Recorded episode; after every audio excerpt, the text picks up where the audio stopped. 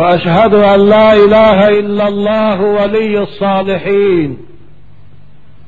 وأشهد أن سيدنا وعظيمنا وحبيبنا محمدا رسول الله خاتم الأنبياء والمرسلين وعلى آله وأصحابه أجمعين. لما مرض أمير المؤمنين هارون الرشيد مرض الموت. وكانت له مملكة لا تغيب الشمس عنها. وقتی که هارون الرشید یکی از خلفا خلیفه های مشهوری عباسیه بیمار شد. البته بیماری او بیماری مرگ بود زیرا که نشانه های مرگ برای وی نمایان بود.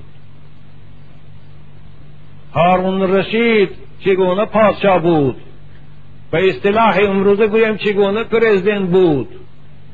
در چه قدر مساحت زمین حکومت داری می‌کرد؟ معرخا می‌گویند حکومت او یعنی سرحد زمین او چنان کلام بود که آفتاب هرگز نمی نشست یعنی تمام جزیره عرب آسیا یک قسم هندوستان این آسیایی خطای و یک قسم اروپا همه در زیر تصرف او بود. بیمار شد.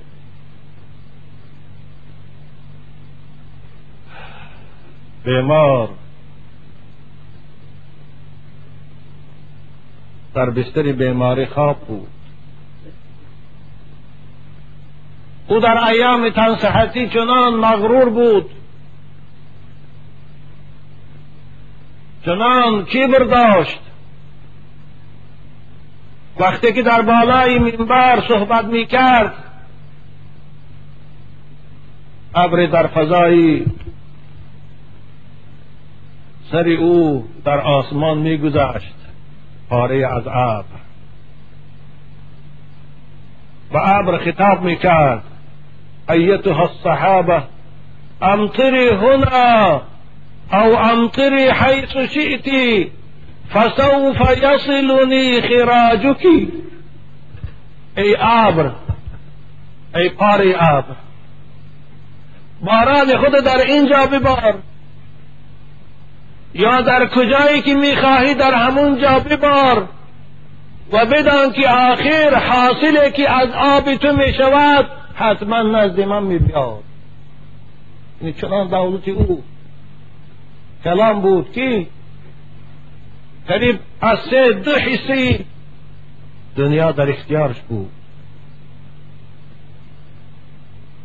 با وجود ان حکومت داری بالای بیشتری مرد خواب رفت.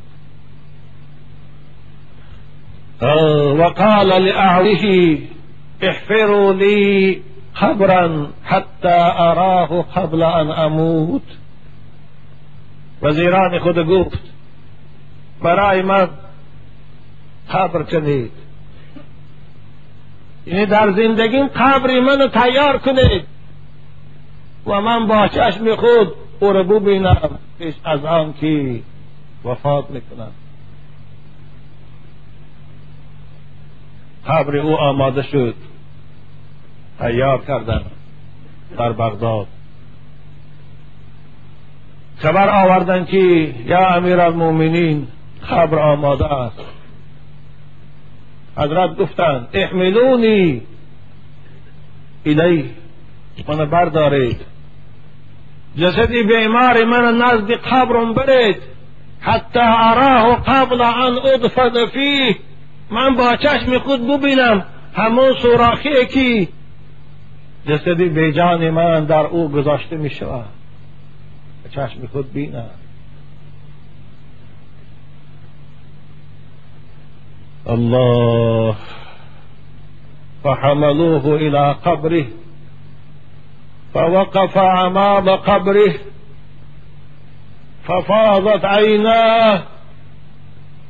وتوجه إلى السماء. ونادى إلى صاحب العظمة والكبرياء.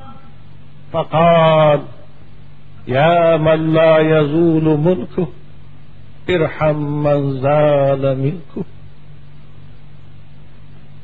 با چشمی معیوس گشته خود قبرش تماشا میکرد. و أو لحظه که تاریک بود چراغ نداشت. و آن لحظه که کرپه او خاک خنک بود. دیوانهای ملایم نبود. نگاه می‌کرد. آب چشمش میریخت.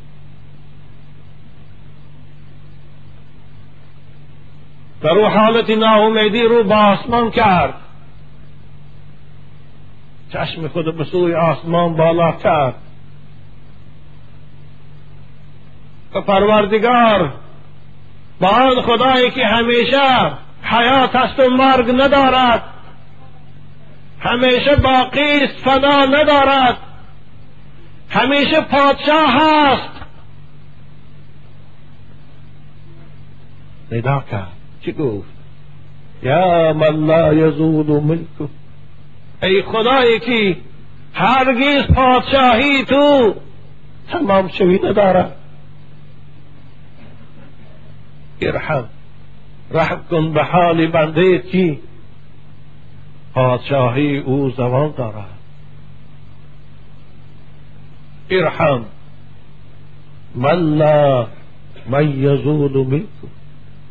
به حال این بنده که امروز و فردا پادشاهی از دست أو می رود. رحمی کن. آب دیدش میری این است. آخری دنیا. آره از حضرت مولوی می‌گوید که آخر جانبی گور است راحت. که آخر جانبی گور است راحت. لحد باشد مکانی خوابگاهت. نماند بر کفت از نقد دور هیچ. به زیر خواب می افتی. کفم پیچ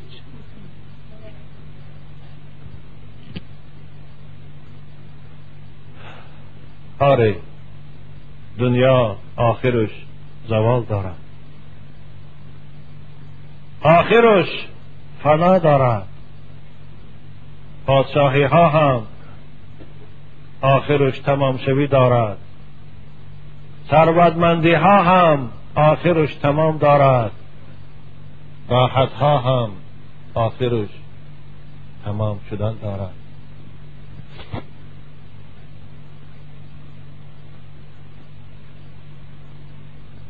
انسان وقتی که از مادر به دنیا می بیاد سه وجه زمین جای اوست. یعنی طفلی که از مادر به دنیا آمده سه وجه زمین را احاطه می کند جای خواب اوست جای راست کردن اوست. وقتی که از عالم می رود ده وجه زمین قرارگاه اوست. ببین قبرستان می رویم. برای هر آدم ده وجه زمین قرارگاه هست وقتی که به دنیا می سه وجه زمین جای اوست. وقتی که از عالم می رود ده وجه زمین جای اوست.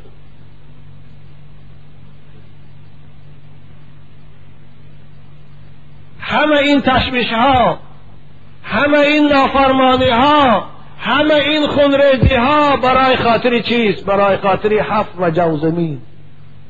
شما از ده سیر طرح کنه هفت وجه باقی میموند همه این سرکشی ها همه این روزخوری ها همه نافرمانی ها برای خاطر چیز هفت و جوزمی خدا را نمی‌شناسه. بل کسی رحم نمی‌کنه. بندگی پروردگار را به جا نمی بیاریم غرور و تکبری. چنان ما را فرا می‌گیرد که گویا خدا هرگز مغلوب حساب نمی کنیم همش برای خاطر حف و جوزه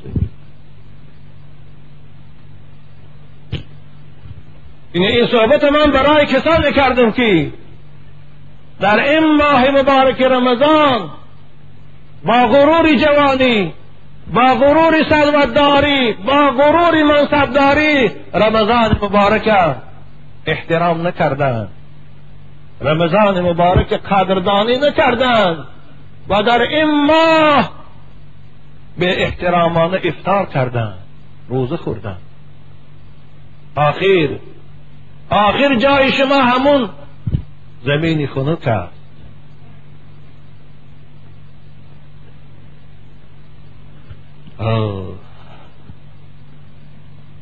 حکم کسانی که رمضان مبارک قصدند می‌خورند عذر شرعی ندارند بیمار نیستند مسافر نیستند ناتوان نیستند اما روزه نمی‌گیرند چیست در این دنیا حکم ظاهری شریعت برای او چیست؟ و در آخرت عذاب او چگونه است این دو سوال است که الان درباره ما صحبت وعن ابن عباس رضي الله تعالى عنه قال قال رسول الله صلى الله عليه وسلم عرى الإسلام وقواعد الدين ثلاثة. من ترك واحدة منها فهو كافر بالله حلال الدم الصلاة شهادة أن لا إله إلا الله. والصلاة المكتوبة وصوم رمضان رواه الحاكم وصححه. فإن سوال پیغمبر بزرگوار اول شده جواب دادن. این جواب من به همون کسانی میگویم که با دل پر می‌گویند کسی حق ندارد کسی را حکم به کفر کند. باید اونها اشاره به من کرده باشند. رسول خدا می‌گویند اساس اسلام و پایدیوار اسلام سه چیز است. اسلام سه پایه دارد. و قصر زیبای اسلام در بالای این سه پایه استوار هست. البته این سخن رسول اکرم پیش از فرضیت زکات و حج گفته بودم. این سه پایه کدام است؟ یکی ایمان به خدا. یعنی هر یک فرد مسلمان باید شهادت دهد که در این عالم غیر از پروردگاری یکتا دیگر کسی نیست معبود. و محمد پیغمبر اوست. فرستاده از جانب اوست. یکم پایش این است. ان لا اله الا الله محمد رسول الله. پای دوم او و صلات المکتوبه پنج وقت نماز خواندن است. که پروردگار برای بندگانش فرض گردانیده است. و اقیم الصلاه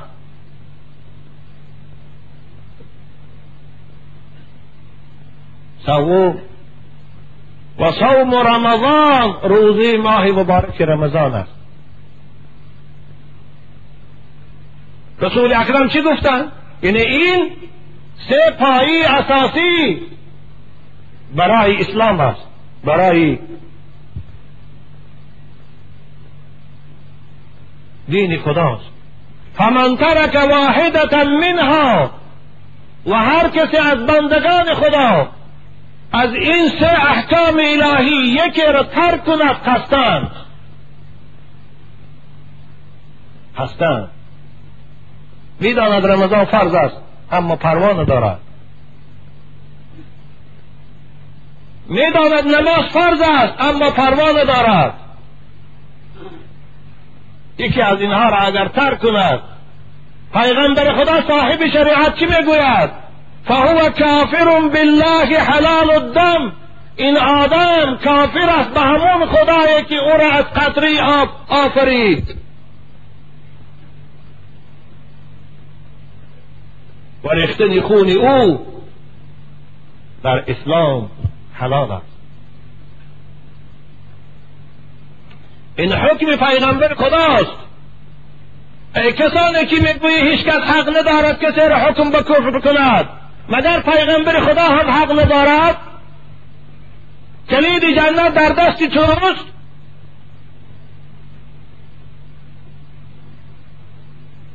حتی بعد جاهل با این حد بلند رفته گفته حتی ما لیل حکم کافر گفتن نداریم. نعوذ بالله. اگر همین گپ از روی دانسته گفته باشی خودت کافر شدی خودت رفیق لیلی نستی؟ لیکن نادانسته گفته باشی توبه کن حالا داری توبه کشاده از خدا گناه تو رو گذرم پیغمبر خدا صاحب شریعت او را حکم به کفر کرده است تو می‌گویی که کس حق نداره حکم به کفر کردن خدایی که انسان آفریده است خودش حکم به کفر کرده است اعوذ بالله من الشیطان الرجیم قل اب الله و آیاته کنتم تستهزئون قل اب الله و آیاته و رسوله کنتم تستهزئون. قد کفرتم بعد ایمانکم خدا گفته است ای بندگان من شما به حکم خدا به آیات خدا به حکم پیغمبر به حکم پیغمبر. کافر میشید؟ این حکم او را قبول نمی‌کنید. شما کافر شده قد کفرتم خدا گفته است نه من. آن چیزا می‌گویم سخن خدا را به تو می‌گویم. ای جاهل. قد کفرتم بعد ایمانکم.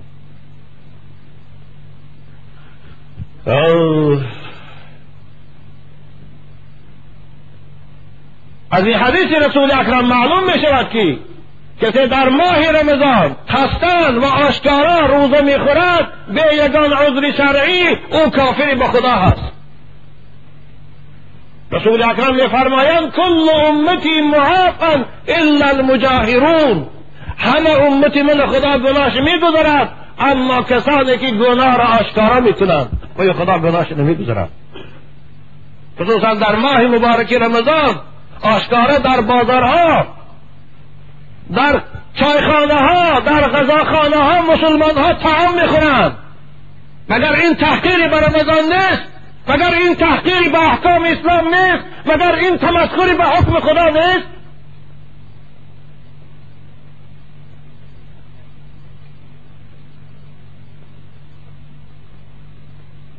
آشخانه ها پر است از جوانای مسلمان که روزه می‌خورند نه اینکه یک جوان باشد. دردش کمتر است. آدم هایی ببینی از پنجه و شست بالا هست روزه می‌خورد. مگر به گفتی تو پیری تو اونا کافر نیستند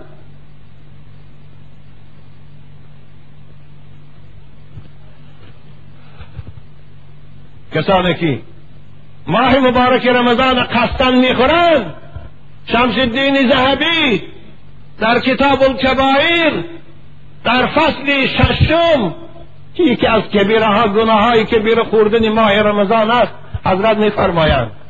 و عند المسلمین مقرر ان من افطر رمضان من غیر عذر ولا رخصة فهو شر عند الله من الزانی و مدمن الخمر. کسی یک روز رمضان به عذر شرعی می‌خورد. عذر ندارد. عذرش چیست مسافر نیست. عذرش چیست بیمار نیست. عذرش چیست موسفید ناتوان نیست. جوانی بوزبل است تنصحت است کار می‌کند. بیهوده در کوچه میگردد اما روزه نمیدارد. خصوصا در این روزهای کوتاه. رسول حکم اسلام حکم پیغمبر نادیده بگیرد او چیست حکمش؟ فقهای اسلام پیشواهای دین در حق او چی گفتند فهو شر عند الله من الظالم.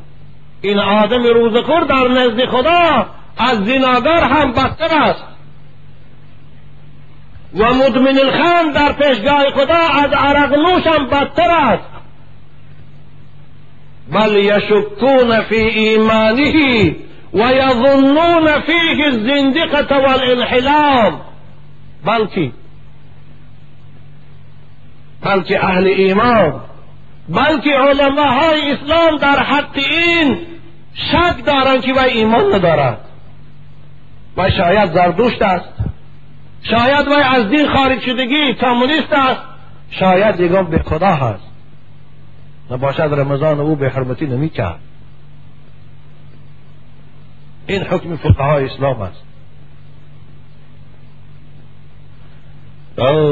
بنابر رسول اکرم میفرمایند وعن ابي هريره رضي الله تعالى عنه قال قال رسول الله صلى الله عليه وسلم من افطر يوما من رمضان من غير رخصة لم يقض عنه صيام الدهر كله و صامه کسی یک روز رمضان اگر افطار کند یعنی خورد عذر نداشت.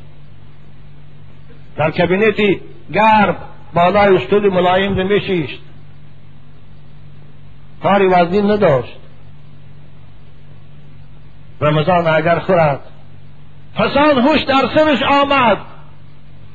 پسان خدا هدایتش کرد و بازگشت کرد توبه کرد پشیمان شد. از روزهای گذشته عمر خود یاد کرد. تزایت می دارد تزایی او پروردگار با آن روز رساند که فاسقای ما این هم سعادت است این هم خیر است. اما خدایی نکنه که با آن سین نارسیده از بین روند. با آن سال نارسیده از بین روند. روزه قضایی می دارد نماز قضایی می خواند رسول اکرم چه گفتن؟ این روزه قضاییش ثواب همون روز رمضان دارد؟ عزیزان من نه حضرت میگن لم یقضی عنه صیام الدهر کله و انصابه. اگر تمام عمر قضایی دارد یک روز رمضان و ثوابش دریافت کرده نمی‌تواند. فقط قرض از گردنش ادا می‌شود. اما ثواب کی برای روزدارها پیغمبر خدا وعده کرده بود اون ثواب در نمییابد خاطر جمع کده؟ جوانای عزیز کسانی که ندای من نمیشنوه من خوب می‌دانم هر کدام ما و شما در وقت پیری بازگشتی به خدا می‌کنیم. در وقت پیری با جای ما مسجد است. باز نماز خوان می‌شویم روزگیر می‌شویم. اما آن روز دیر می‌شود.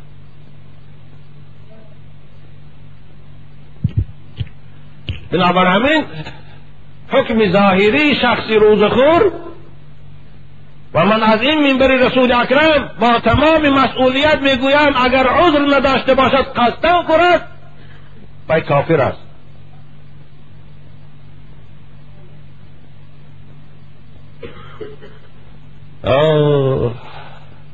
شاید اینها را فریفته کرده است. همون سخن حضرت امام اعظم رحمت الله علیه در فقه اکبر شد من می‌دانم این ملاهایی که ما داریم غیر از این فقه اکبر و عقاید نصفی دیگر کتابای بیرون رو نمی‌خوانند کدام است او؟ او من می‌دانم. حضرت می‌گویند ولا نکفرو مسلما بذنب من الذنوب و این کانت کبیرتا همین قول است. و ما نسبت نمی‌دهیم به کفر هیچ مسلمانی را. اگرچه چی گناهی کند؟ اگرچه او گناه گناهی که برم باشد. فقط همین از حجت شد ملاهای ما را. خوب من به اونها سوال میتیم که اینجا حضرت امام مسلم گفت. ولا نکفر مسلمان گفت. مسلم چیست؟ مسلم که سر میگن که در فرمان خدا تسلیم است روزه بگیرد نماز می‌خواند. زکات میتید از حراما خوش نگاه میدارد. این مسلمان می‌گویند. اگر مبادا شیطان او رو فرفته کرد و از روی نادانی زنا رفت. از روی نادانی عرق نوشید. از روی غذا کسی را کشت. من این ما حق نداریم کافر گوییم. زیرا نمازاش می‌خواند. خوب از سبب یک امروز قضا کرد. و رمضان مبارک می‌گیرد؟ خوب از سبب این ما یک روز خورد تنبلی کرد. من این ما حق نداریم کافر گوییم. اما کسی که از سین دوازده تکلیف الهی بالاش دامد روزه نگرفته است. روزه رو مسخره می‌کند. از سین دوازده تکلیف الهی بالاش دامد نماز نخواند از نماز خان گویی خودت خواند من به این ملاها سوال میتیم که آیا حق نداریم با این کافر گوییم؟ آیا این مسلمان گفته می‌شود؟ از خدا ترسید و همین سخنهای پوچ داد. بشار مسلمان ها را گمراه کرد ایستاده در شهوت و در معصیت غوطیده رفت ایستادیان سخن اینها عزیزان من من به شما تسبیح می‌کنم تسبیح. سخن اینها مانند است به اینکه یک شخص پادشاه میبیارد خیرات می‌کند بگن من تو را ده سال عذاب می‌کنم سختترین عذاب کتی جزاد میتیم. بعد از ده سال میگرم یک ناحیه در اسلام تامد می‌کنم. همین قبول می‌کنی؟ یعنی گفته اینها همین است. که تو گناهتون چی کار می‌کنی؟ تو خدا تو را عذاب بکند ثانی یک روز اگر خواهد می‌برد از دوزخ و اگر خواهد اما اگر نخواهد چی؟ این عفا عنه و این عذبه. اگر نخواهد چی؟ بنابر به این گفا باور نکنید پروردگار از بندگانش انقیاد می‌خواهد. پروردگار از بیان بندگانش بندگی می‌خواهد. و ما خلقت الجن والانس الا لیعبدون. خدا میگه شما رو من برای عبادت خودم آفریدم نه برای پیروی شیطان. و ان اعبدون هذا صراط مستقیم.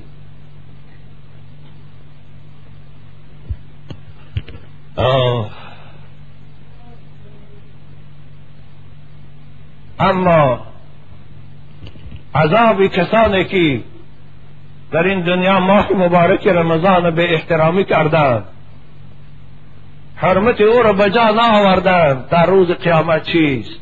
عزیزان من توجه کنید. روزخور از شفاعت پیغمبر به نصیب است. روزخور پیغمبر خدا شفاعت نمی کند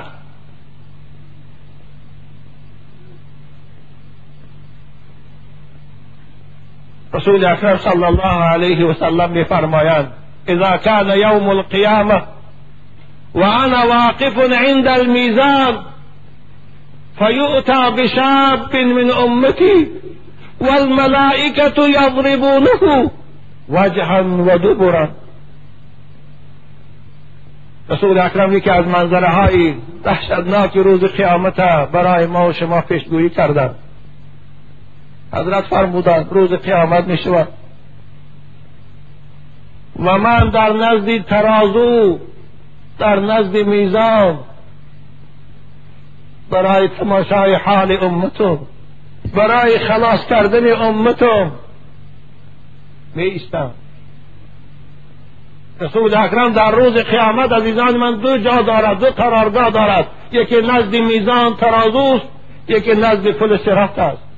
میره بود و میبیاد تا که امت گناهگار خدا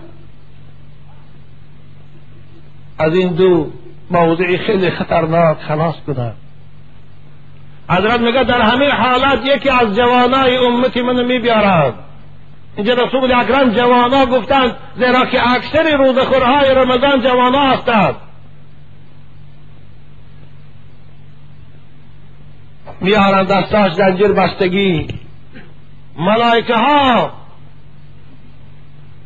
او را با تازیانه های آتشین می‌زنند در روش در صورتش در بدنش. ناگهان او جوان میگه من می‌بیند. فیرانی و یقول المستغاث بك یا رسول الله. فریاد می‌کند که یا پیغمبر بزرگوار غیر از تو فریاد رسه ندارم. و فریاد من رست والملائکت لا تترکونه ملائکه ها باشن أو را سر نمیتیند أو میگد از دامنی من قپید و هو لا یترکنی. محکم قپید از سر نمیتیند و اردت ان اشفع عند ربی. رسول اکرم میگن خواستم که به پروردگار خود برام. و این امت گناهگار ما شفاعت کنم فيقول الله إن له خصما قویا یا أحمد. در این وقت پروردگار. بگد به من خطاب کرد که ای حبیب من محمد بالای این امتی تو یک دعواگری خیلی به قوت یک دعواگری زور هست. قلت یا ربی گفتم من خدایا من هو او کیست؟ این دعواگر در بالای این کی است؟ پروردگار میگد گفت رمضان شهر رمضان ماه رمضان است دعواگر.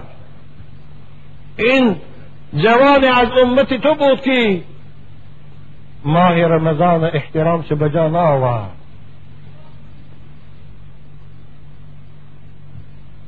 رسول اکرم میگه وقتی که این سخن از پروردگار انا بریء ممن خصمه رمضان و من یشفع من لم یعرف حرمت رمضان.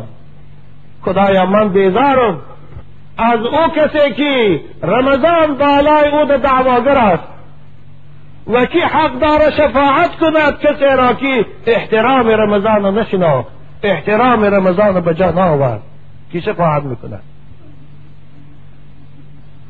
فیقول الله أنا بریء ممن أنت بریء منه. پروردگار میگد گو حبیبی من. من هم بیزار هستم از أو بنده ای تو از أو بیزاری. فینطلق به إلى النار. بس برده می شود أو را به سوی دوزخ. این است.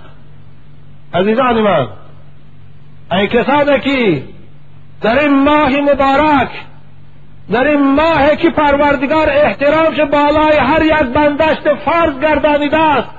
بے پروا هستی این است بازگشت شما. ای بندگان خدا لا تهونوا شهرا عظم الله حرمته و اوجب علینا حقه. ماهی که پروردگار ما احترام کرده است. ماهی که پروردگار حرمت در بالای ما فرض گردانیده است. این ما را به حرمتی نکنه زیرا که ماه رمضان این هدیه است از جانب خدا برای امت اسلام. و هو هدیتون من الله تعالی الیکم. و برکت و کرامت. تفضل بها علیکم این هدیه است خدا برای امت اسلام این عطا کرد. این کرامت خدا برای امت اسلام داد. لیغفر لكم ذنوبكم و یستر عن النار ابدانکم. تا اینکه به سبب احترام رمضان خدا گناه های شما را گذرد. تا احترام رمضان جسدهای نازک شما را بر دوزخ حرام گرداند عزیزان من پروردگار بندگان رمضان گناهش میگذرد پروردگار بندگان که رمضان. جسده که در ماه رمضان گرسنه موند و تشنه موند اما صبر کرد و یه بر آتش دوزخ نمی سوزاند وای به حالی کسانی که قدر این ماه ندانستند الله. از کی حسن بصری رحمت الله علیه میگذاشتند إن الإمام الحسن البصري رضي الله تعالى عنه مر بقوم وهم يلعبون ويضحكون. حضرت گذشته ایستاده بودند یک گروه آدم ها را دیدند مانند جوانهایی که در بازار کاروان و سخاوتن. بازی دارند روزه خوردی ایستادیان. ما خندیدی ایستادیان. فوقف عندهم. حضرت در نزد اونها ایستاد. پیش اونها رفت و ایستاد. ببینه اونها چطور آدم بودن. پیشواهای ما چطور برای بندگان خدا غمخوار بودند؟ حالا این های ما این های ما که میدن که حق کافر گفتن نداری؟ اگر یک کسی بیند روز خورش روش میگرداند نبینم من گفته گذشته میرد نمی ایستد نصیحت کند. خب منم از طایفه اونها هستم من از اونها زایدتر نیستم.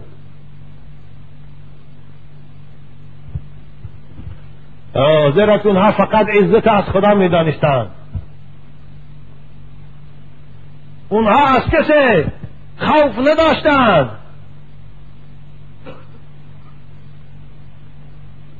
اونها به این آیه کلمه عمل می‌کردند. ایبتغون عندهم العزة فإن العزة لله جمیعا نمی‌گفتند این خفه می‌شود.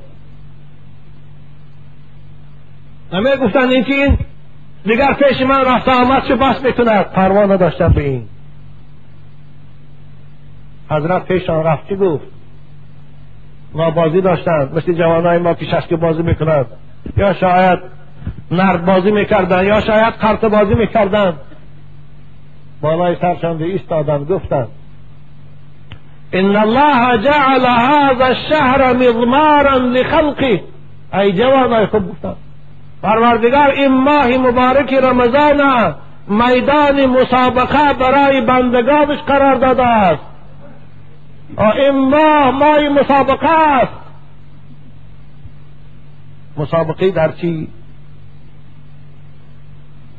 اولمپیاد کی منازدگی دار دوشنبے تمام شد مسابقی گوشتی.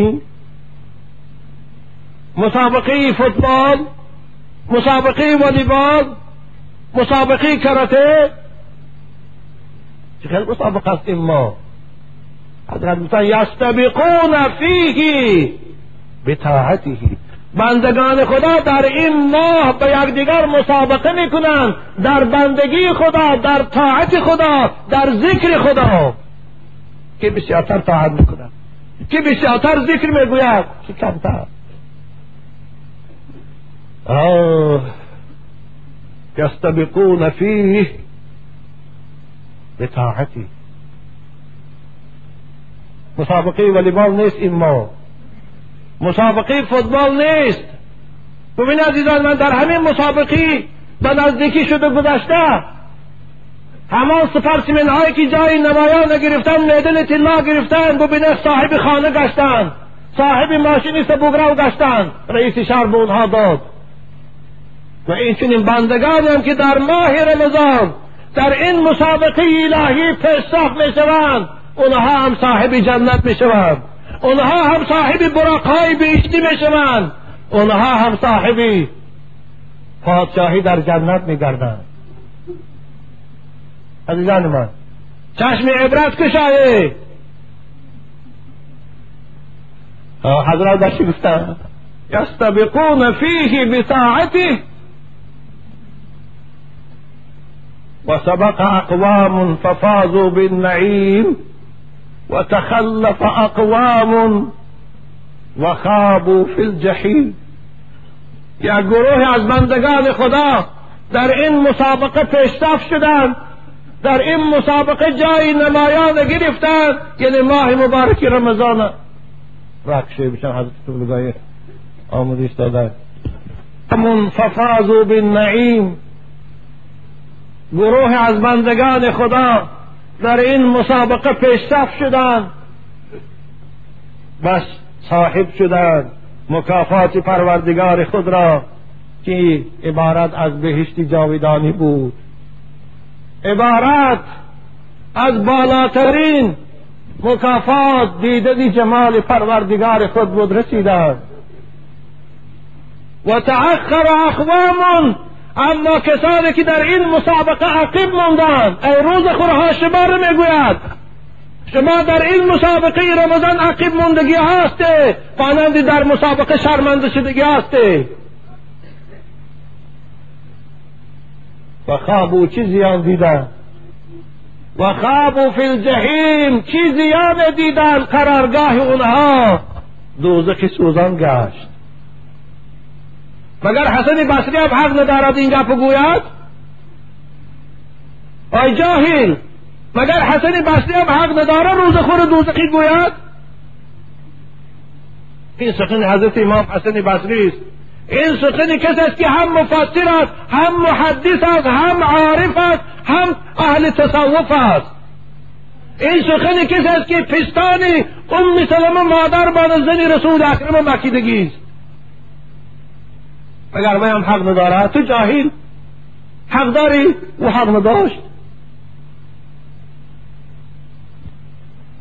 الله. وسبق أقوام ففازوا بالنعيم وتخلف أقوام وخابوا في الجحيم في الجحيم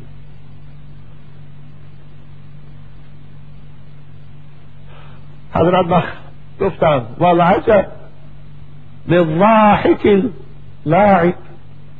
من تعجب می‌کنم از شما جوانای خوب گفت که بازی داره خندیدیش داده رمضان حرمتش به جان آوردیش داده.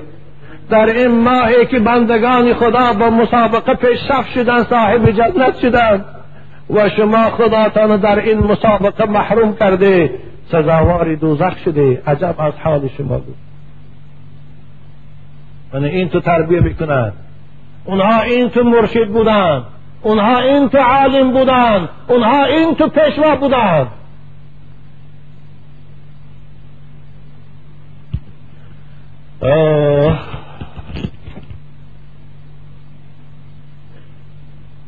بیادم روایت ابن جوزی رحمت الله علیه در کتاب بستان العارض واعظینشان میارند اگر که سند حدیث معلوم نیست اما به اعتماد آن که ابن جوزی یکی از محدثان خیلی مشهور هستند و این حدیث در کتاب ایشان هست سندش مجهول هم باشد. ما با باوری مضمون این حدیث با شما عزیزان بیان می‌کنم و حقیقت او را به خدا میسپارم.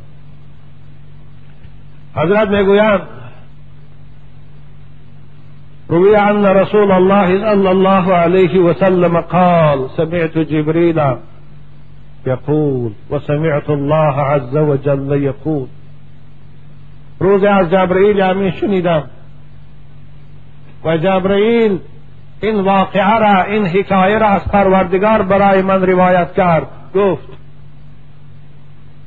یؤتا بشاب یوم القیامة باکیا حزینا.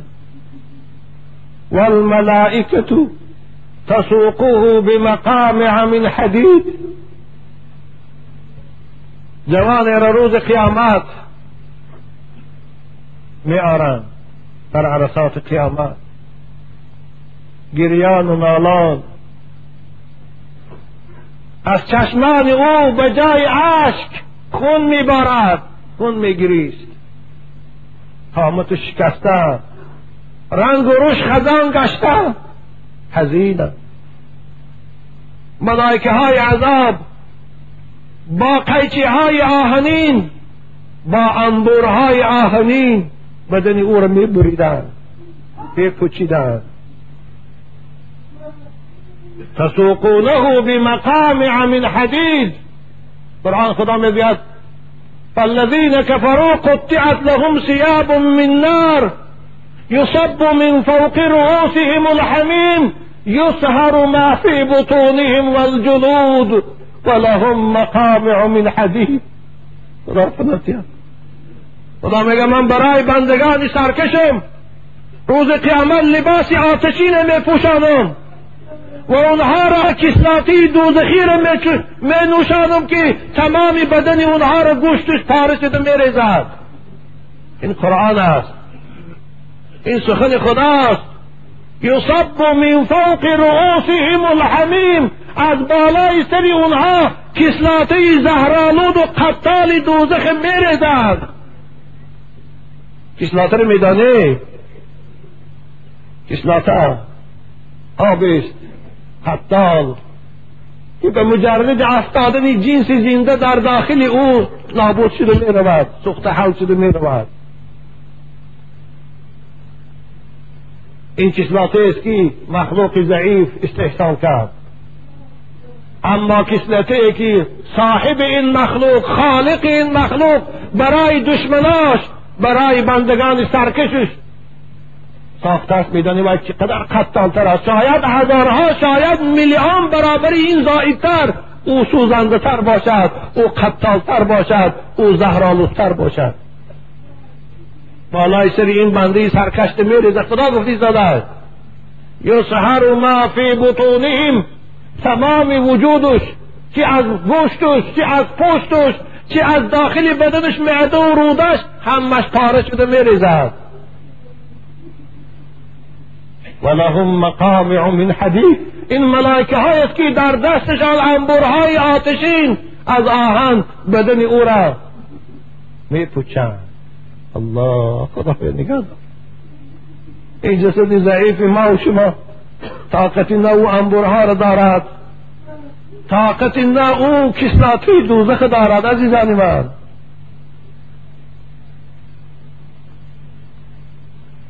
آه والملائكة تسوقه بمقامع من حديد. وهو يقول الأمان الأمان الأمان. ألف سنة ولا أمان له. این عرصات قیامت هزار سال. این آدم فریاد میکند خدایا به فریاد من راست به فریاد من راست به فریاد من راست. هزار سال این ندا رو اما فریاد رسی آن روز نیست. کسی به فریاد او نمی‌رسد. اون روز نمی‌تواند پادشاه ها شفاعت کنند. اون روز نمی‌توانند ثروتمندها پارتیان خلاص کنند. اون روز روز است که لا ینفع مال ولا بنون الا من اتى الله بقلب سلیم. نه منصب بکار است. نه پول بکار است نه فرزند بکار میرود فقط و فقط ایمانی به خدا و عمل صالح آن روز بکار است. الله. ويقول الامان الامان ولا أمان له. نه کسی خلاص نیست. کسی فلاسگر نیست فریادرس نیست. ثم يساق ويوقف بين يدي الجبار جل جلاله. بعدی هزار سال بود شدن پس ملائکه های عذاب أو را کشان کشان. نزد پروردگار میآرند نزد محکمه سودی الهی. مانند که جنایتکار ملیسه ها چگونه زنجیر بند کرده محکمه سود میآرند داخل خانه آهنین می‌گذارند پیش پروردگار میبیارن راستش بکنن. فيأمر الله ملائكة العذاب أن تصحبه على وجهه إلى النار. پروردگار با قهر با ملائکه های عذاب خود می‌گوید. برید. او را کشان کشان به زمین به آتش دوزخ پرتایی. یا الله. یا الله. این کیست؟ خدایا این چی تو آدم بود؟ مگر لیلین بود؟ یا مارکس بود؟ یا عبدالرحمن بابایف بود؟ کی بود؟ خدایا این کی بود؟ که کسی شفاعت او را نکاست کسی نتوانست به او دستیاری دراز کند؟ کیست؟ الله رسول اکرم صلی الله علیه و سلم قلت جبریل من هو گفتم برادر جبریل این کی بود برای چی کسی به فریاد أو نرسید قال یا محمد شاب من امتك جبرئیل گفت حبیب خدا محمد نور چشم من أو یک جوانی از جوانای امتی تو بود قلت ما ذنبه آی گناهی و چی بود که اینقدر به او بیرحم شد؟ چی بود گناهش البته خدا به هیچ کس ظلم نمی کند من حق ندارم بیرحمی گویم. اما اصطلاح ما فارسی هستی. گناه او چی بود؟ که به این عذاب مبتلا گشت. جبرئیل همین چه گفت؟ فقال جبریل أدرك شهر رمضان فعصى الله فيه ولم يستغفر الله ولم يتب إليه كي يغفر الله له فأخذه الله بغتة. گناه أو این بود که ماه مبارک رمضان دریافت کرد ماه رمضان آمد أو صحت بود أو سالم بود او در خانهش مقیم بود در وطن خود بود عذری نداشت. اما در ماه رمضان نافرمانی خدا کرد روزه نگرفت در ماه رمضان در پیش مسلمان ها در آشخانه غذا خورد. و در وقتی غذا خوردن پروا نداشت که این رمضان است یا دیگر ماه. در ماه رمضان عرق نوشید. در ماه رمضان زنا کرد. فعص الله فی اما از این گناه خود توبه نکرده پشیمان ناشده ناگهان مرگ آمد. او را برد. آره اگر پشیمان می‌شد اگر توبه می‌کرد اگر بازگشتی به خدا می‌کرد خدا او را قبول می‌کرد. ای روز خورها ای در معصیت و گناه گوتیده ها حالا فرصت داره بازگشتی به خدا کنه. پروردگار غفور و رحیم شما را قبول می‌کنه. گناه شما را میگذره. اعوذ بالله من الشیطان الرجیم. و انیبوا الى ربکم و اسلموا له. بازگشت کنه بازگشت کنه. سر در فرمان خدا تسلیم کنه. خدا شما را میگذرد. حالا فرصت داره فرصت داره. مگو فردا که فرداها گمان است. مگو فردا که فرداها گمان است. نفس چون تیرها اندر کمان است. صداهای کمانها هست با تیر بگوری به صدایا. عبرت گیر. جنازه جوان را میخواندم پدرش آب دیده میرخ بگفت. اکنون بیست یک قدم زده است اکنون در سین بیست یک اما امروز بالای تابوت ببینم جسدی او را جوان های عزیز تکیه به جوانی نکنید فاخذه الله بغتتا مرگ ناگهان آمد قامت این جوان شکست اجل بشاہ گدا ہی جہاں بود یکساں۔ اجل بشاہ گدا ہی جہاں بود یکساں۔ برا برست بتے غش گلوئی پیر جمع کیسے مقیم نگرد درند رباؤ کی کہا۔ کیا سوئی وطن وہ سخاتری مہمان۔ الله الله.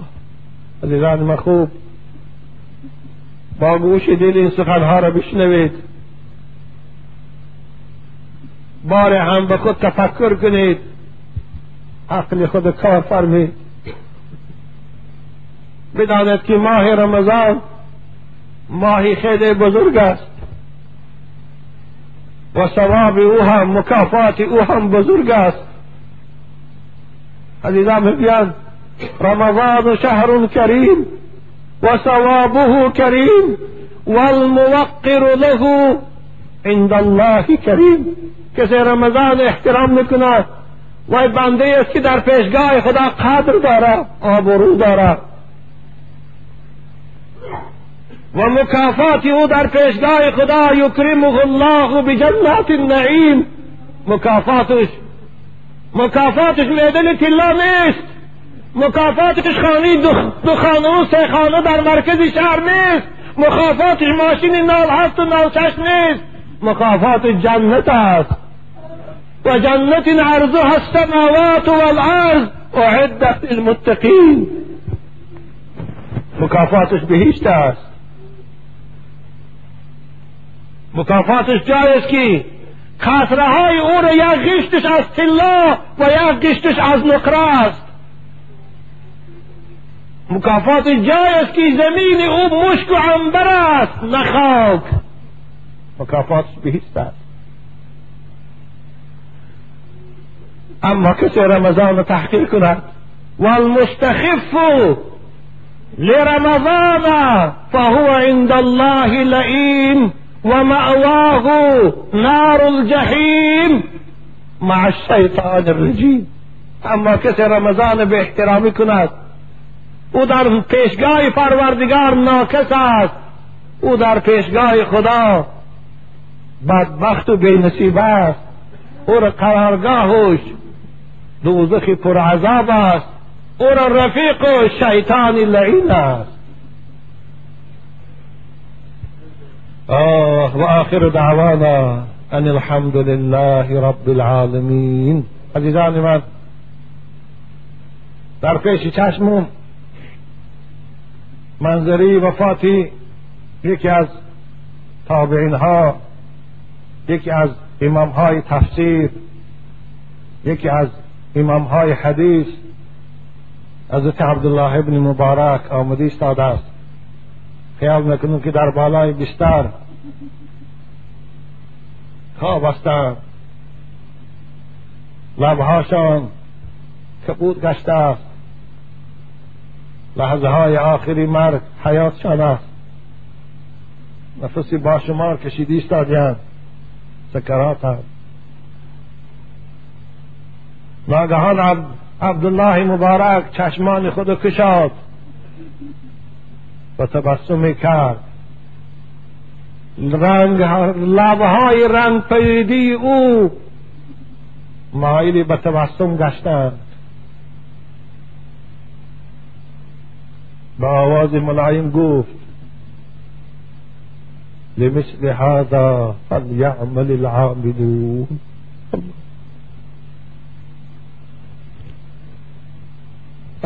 کشاد و گفت لمثل هذا فليعمل العاملون. استشهاد از ازهای مبارکی سوری صافات است. پروردگار جنت زیباگی هاش بیان می‌کند. حورهای بیشتر با زیباگی هاشان بیان می‌کند. در آخر می‌گوید لمثل هذا. برای بدست آوردن این تو جای باید بندگان من در دنیا کار کنند. بعد چشم خوش پوشید به خواب ابدی فرو رها إنا لله و أنا الیه راجعون.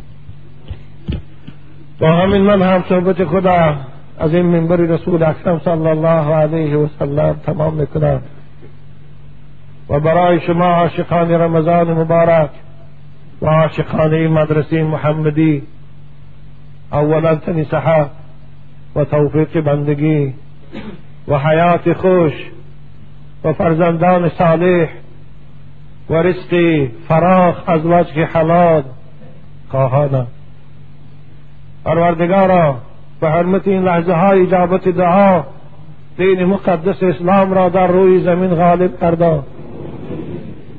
و قانون قرآن را در تمام حالت حاکم گردان خدایا صفی بندگان روزدار و قیام لیل می کردگی تو روز تا روز و سال تا سال زایدتر گردان خدایا این بندگانی که با امید دست به سوی تو برداشتیند هر حاجتی که داشته باشند تو خود میدانی برآورده گردان بیمارا اینها را شفای کامل عنایت فرما از قطار اینها از قبلگاه ما الحمدلله که بعد از چند ماه باز در این محراب ایشان می‌بینیم و از جمله اینها برادر امام محمود جانم پسر چش عبد جلال شفای کامل خدایا.